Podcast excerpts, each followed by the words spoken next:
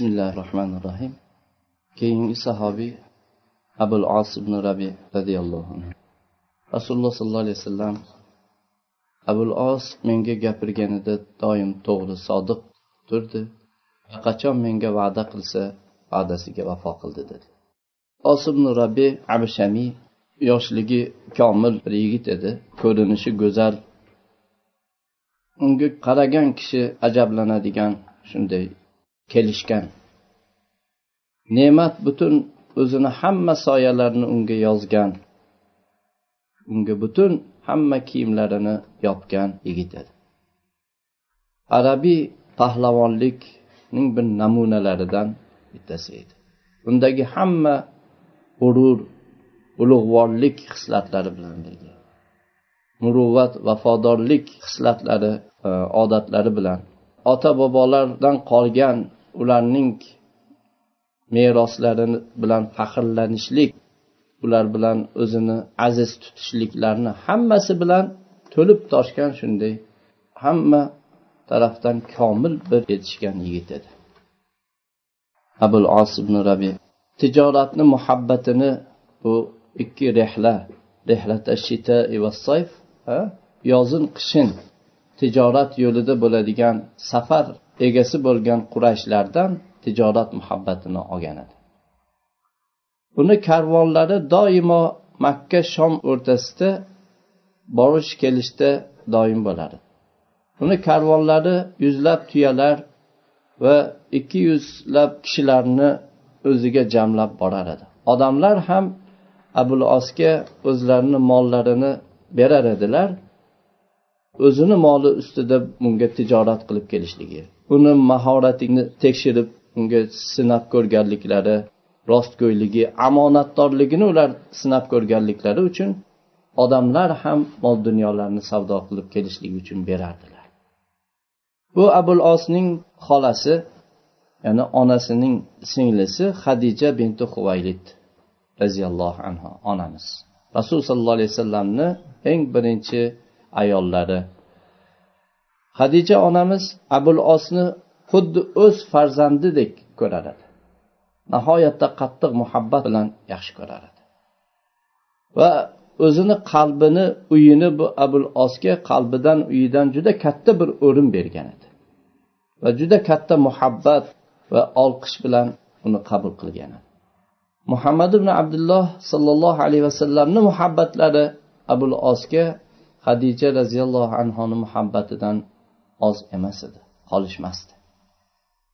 Yillar tez tez nihoyatda tez o'tar edi. Muhammad ibn abdulloh sollallohu alayhi vasallamni xonadonlarida. Va bu xonadonda rasul sollallohu alayhi vasallamni katta qizlari zaynab roziyallohu anhu ulg'aydi. Va xuddi o'zini tamom atri iforlari bilan nihoyatda go'zalligi bilan gul ochilgan kabi bu katta qizlari ochilib ulg'ayardi. Va butun makka sharaflilarini ulug' fazilatlik sayyidlaridan sayyid zodalaridan ko'pchilikning qalbi ko'ngli shu rasul sollallohu alayhi vasallamni katta qizlarini istar edi qanday bunga intilmasin? Bu rasul sollallohu alayhi vasallamni qizlari qurashlarni nasabda mansabda eng nasabi chuqur aslzodalaridan ota ona jihatdan ham eng hurmatlisi o'zini xulqu odobi o'zini bosiqligi hayoligi bilan ham ayollarning eng zakovatli pokizasi edi. Shuning uchun butun ulug'lar buni istar edi lekin ularga bu zaynabga erishishlikka yo'l qayerda? Ular bilan zaynabni o'rtasini uni xolasining o'g'li abul os ibn rabi makka yigitlaridan haqiqiy bir yigit bo'lgan abul os ularni to'sib turar edi. Va shunday qilib bu abul os zaynab roziyallohu anhoga uylangan zaynab binti muhammad sollallohu alayhi vasallam abul os bilan birga bo'lishlari bir necha yil o'tarkan hatto makka vodiylariga unday porloq ilohiy nur nur sochdi. Alloh subhanava taolo o'zini payg'ambari muhammad sollallohu alayhi vasallamni yangi bu hidoyat bilan haq din bilan alloh taolo payg'ambar qilib jo'natdi. Va o'zlarini eng yaqin qarindoshlaridan boshlab ogohlantirishlikka olloh buyurdi. Ayollardan rasululloh sollallohu alayhi vasallamga birinchi iymon keltirgan ayollari hadija onamiz hadija binti huvaylid roziyallohu anhu. Qizlaridan hamma qizlari iymon keltirdi zaynab ruqayya ummu gulsum fotima. O'sha kunlarda nihoyatda fotima yoshlari kichik bo'lishiga qaramasdan lekin kuyovlari abul os o'zini ota bobolarini dinidan judo bo'lishlikni yoqtirmadi. Va o'zini ayoliga shuncha bir sof muhabbati unga xolis o'zini iltifoti muhabbati bo'lishligiga qaramasdan ayoli kirgan bu dinga kirishlikdan bosh tortdi. Rasululloh sollallohu alayhi vasallam bilan quraysh o'rtasida nizo nihoyatda qattiqlashgan vaqtda shunda qurayshlar bir birlariga qarab aytdiki ey baraka topgunlar dedi. Bu sizlar muhammadni qizlariga uylanib uni tashvishini boshidan yengillatib sizlar butun yukini ko'tarib turibsizlar. Agar qizlarini o'ziga qaytarib yuborsanglar sizlardan shu qizlari bilan mashg'ul bo'lib qoladi. Shuni g'ami unga yetadi. Shunda bu yaxshi fikr bo'ldi bu sizlar qilgan fikringlar yaxshi bo'ldi dedida qurayshlar abul osni oldiga borishdi. Unga aytishdiki sen bu xotining bilan ajrash ey abul os. Uni otasini uyiga qaytarib yubor biz senga qurashlarni eng arzigulik ulug' qizlaridan xohlaganingga seni uylantirib qo'yamiz deyishdi. Abul os aytdiki yo'q allohga qasamki men bu ayolimdan ajrashmayman va bu ayolimgani qarshisida dunyoni hamma xotinlari bo'lishligini men yaxshi ko'rmayman dedi. Xohlamayman. U ajralmadi. Ammo rasululloh sollallohu alayhi vasallamni ikki qizlari ruqayya va ummu gulsum roziyallohu anhu ular taloq qilindilar va otalarini uylariga olib borib qo'yildi. Rasululloh sollallohu alayhi vasallam bu ikkalalarini rasul sollallohu alayhi vasallamga qaytarilishi bilan nihoyatda qattiq xursand bo'ldilar va bu ikkisi qilganga o'xshash abul os ham shunday qilsa edi deb orzu qilardilar. Ya'ni mushrikni qo'lida qolmasdan bu bu ham keltirib bersa bu ikki qizlari abu lahab ya'ni amakilarini ikki o'g'liga bergan edilar. U shu taloq qildirib tez olib borib tashlagan edi. Rasululloh sollallohu alayhi vasallam bu ikki sherigi qilganidek abul os ham shunday qilishligini orzu qilar edilar. Lekin rasululloh sollallohu alayhi vasallam bunga uni majbur qiladigan quvvat egasi emas edilar u kunda. Keyin bu kunda hali e, mo'mina ayolni mushrik bilan birga yashashligi uylanishligi harom qilinmagan haromligi mashru bo'lmagan kunlari. Islomni avvali. Rasululloh sollallohu alayhi vasallam madinaga hijrat qilgandan keyin madinada rasululloh sollallohu alayhi vasallamni ishlari islom hukumati tiklanib ishlari yaxshi bo'lib mustahkamlashgan vaqtda qurayshlar bu badrda rasululloh sollallohu alayhi vasallam bilan jang qilishlikka chiqdi. Abul os ham majbur bo'lganidan qurayshlar bilan birga. Chunki u musulmonlar bilan jang qilishlikni hech xohlamasdi. Ularga bir ozor yetkazishlikda hech bir xohishi istagi ehtiyoji yo'q edi. Lekin qavmini ichidagi o'zini martabasi manzilati uni e, ular bilan birga kelishib bir xil bo'lishlikka majbur qilardi badr jangi qurashlarning nihoyatda xunuk bir mag'lubiyati bilan tugadi. Butun shirk burunlari yerga ishqaldi xor bo'ldi va qurashlarning tog'utlarini beli sindi. Bir toifa o'ldirildi. Yana bir qanchasi asir qilib olindi. Qolganlari qochib qutuldi asir bo'lganlar ichida zaynab binti muhammad sollallohu alayhi vasallamning qizlarining eri yana rasululloh sollallohu alayhi vasallamning kuyovlari abul os ham bor edi. Nabiy sollallohu alayhi vasallam asllarga o'zlariga tovon to'lab bu asrlikdan qutqazib oladigan asllar fidyasini yukladilar. Ming dirhamdan to to'rt ming dirham o'rtasida har xil bo'lar edi. Asllarni qavmi ichidagi ahvoli va uni boyligiga qarab har xil fidya kelar elchilar ham makka bilan madina o'rtasida asrini tovonini to'lashlik uchun mol dunyo ko'tarib qatnay boshladi. Shunda zaynab roziyallohu anho o'zini elchisini madinaga jo'natdi. Eri abul osni fidyalarini ko'tarib elchisini jo'natdi. Bu fidyaning ichida bir marjon taqinchoq bor edi. Zaynab roziyallohu anhoga onamiz hadija roziyallohu anha uni kelin bo'lgan kunida buni hadya qilgan marjon bor. Rasululloh sollallohu alayhi vasallam buni ko'rgan vaqtlarida yuzlariga chuqur bir g'am shaffof bir pardasi yuzlarini qamradi va qizlariga qattiq rahmlari keldi. Keyin ashoblarga qaradilar aytdilarki zaynab abul osga fidya berishlik uchun mana bu molni yuboribdi. Agar uni asirini qo'yib yuborishni xohlasanglar va molini ham o'ziga qaytarishni xohlasanglar qilinglar. Shunda sahobiylar aytdilarki bo'pti yo rasululloh bajonidil biz buni bajaramiz dedilar. Lekin payg'ambar sollallohu alayhi vasallam abul osga uni ozod qilishlikdan oldin makkaga yetib borganidan keyin kechiktirmasdan qizlari zaynabni jo'natib yuborishlikni shart qilib ozod qildi. Abul os makkaga yetar yetmas shu qilgan ahdiga vafo qilishlikka shoshildi. O'zini ayolini safarga tayyorlanishlikka buyurdi.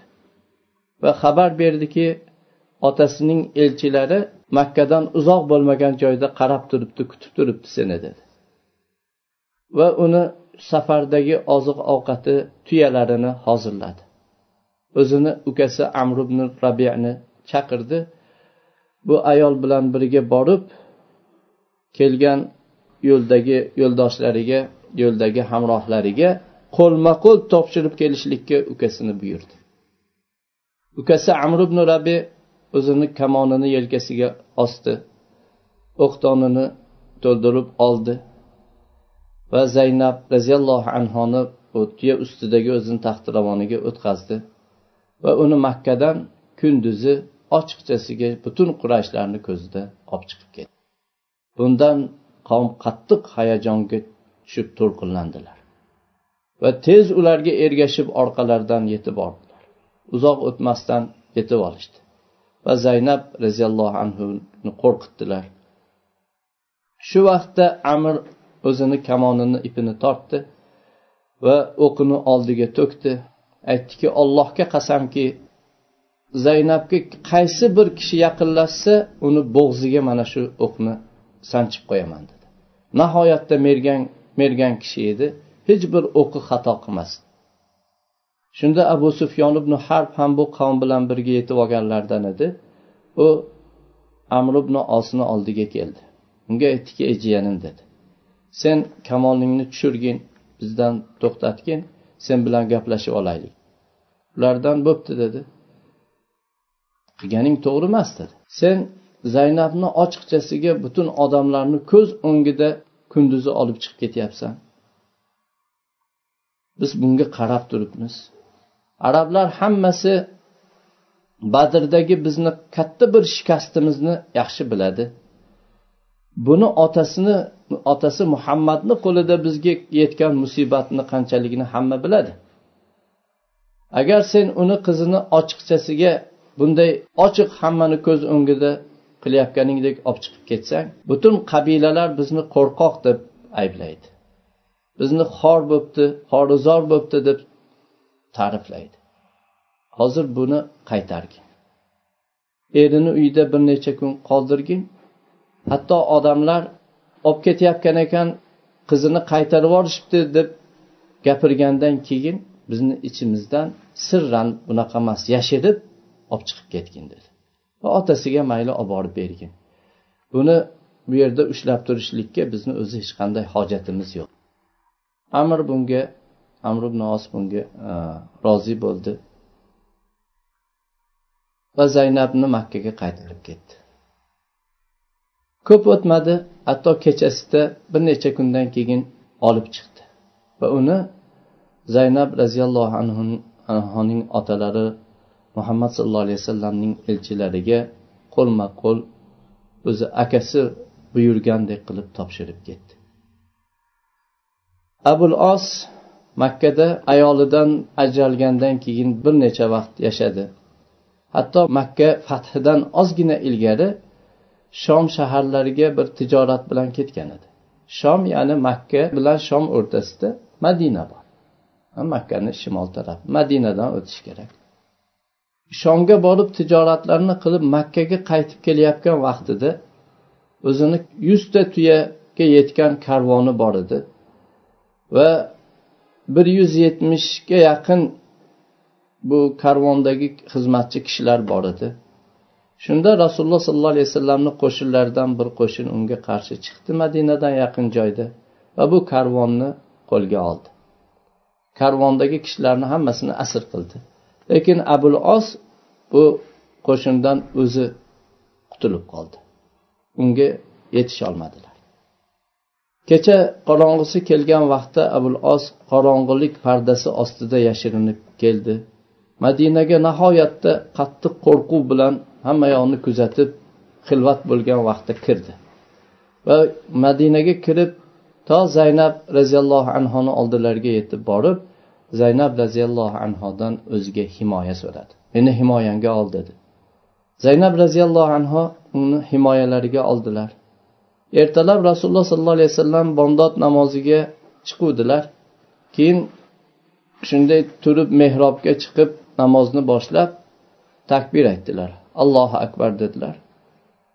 Rasululloh sollallohu alayhi vasallamni takbirlari bilan ashoblar ham roziyallohu anhu allohu akbar deb hammalar takbir aytgandan keyin zaynab baland ovoz bilan aytdilarki ayollar tarafidan turib ey odamlar men muhammad sallallohu alayhi vasallamni qizlari zaynabman dedilar. Men abul osga himoya berdim sizlar ham uni himoyalarga olinglar dedilar. Keyin namoz davom etdi. Nabiy sallallohu alayhi vasallam namozni tugatib salom bergandan keyin odamlarga burilib qaradilar. Men eshitgan narsani sizlar ham eshitdinglarmi? dedilar. Ha eshitdik ya rasululloh dedi aytdilarki nafsim qo'lida bo'lgan zotga qasamki bu sizlar eshitgan narsani men eshitmagunimgacha bu haqda hech narsa bilmasdim dedilar. Musulmonlardan eng kichik bir kishi ham himoyasi himoya bo'ladi himoyaga oladi dedilar. Keyin uylariga qaytib ketdilar. Qizlariga aytdilarki abul osni yaxshi hurmat qilgin lekin bilib qo'y sen endi unga halol emassan dedilar. Karvonni asir olgan kishilarni chaqirdilar. Ularga aytdilarki bu odam o'zinglar bilgan bu bu odam dedilar endi. Ham himoya olib qoldi. Karvoni sizlarni qo'linglarda uni molini sizlar oldinglar.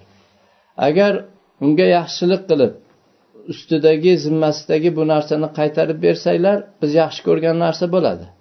Agar yo'q desanglar bu ollohni sizlarga bergan ollohni o'ljasi sizlar bunga haqlisizlar. O'zinglarga e, ya'ni sizlarni haqqinglar bu. Yo'q desanglar o'zinglar bilasizlar dedilar. Shunda aytdilarki balki yo rasululloh molini dunyosini qaytarib beramiz. Keyin abul os olishga kelgan vaqtda aytdilarki ey abul os sen qurayshlardan bir sharafli kishisan. Rasululloh sollallohu alayhi vasallamning amakilarini o'g'li va kuyovlarisan. Sen islomni qabul qilsang bo'lmaydimi? Biz bu narsalarimizni bu mollarni hammasidan kechamiz senga beramiz.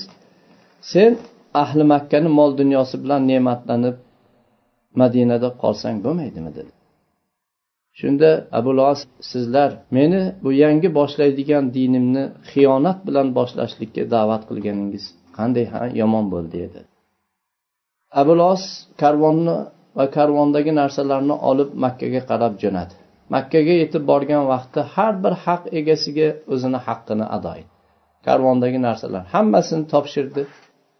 Keyin aytdiki ey quraysh jamoasi biror kishini menda olmagan moli qoldimi? dedi. Yo'q dedilar.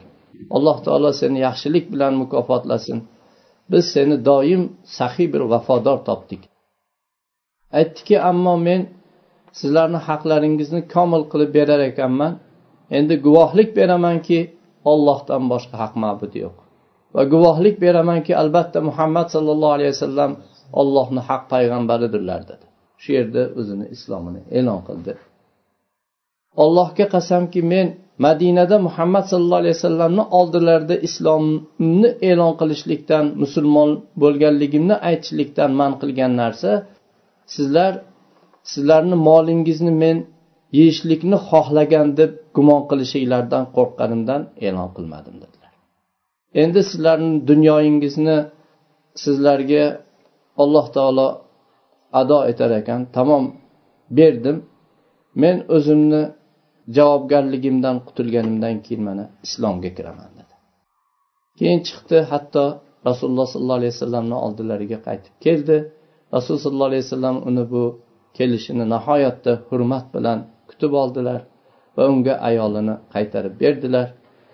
Va u haqda rasululloh sollallohu alayhi vasallam aytardilarki abul os qachon menga gapirsa sodiq bo'ldi qachon menga va'da bersa va'dasiga vafo qildi dedilar. Alloh rahmat qilsin alloh rozi bo'lsin. Subhanakallohumma bihamdik. Ashhadu an la ilaha illa anta astag'firuka va atubu ilayk. Assalomu alaykum va rahmatullohi va barakatuh.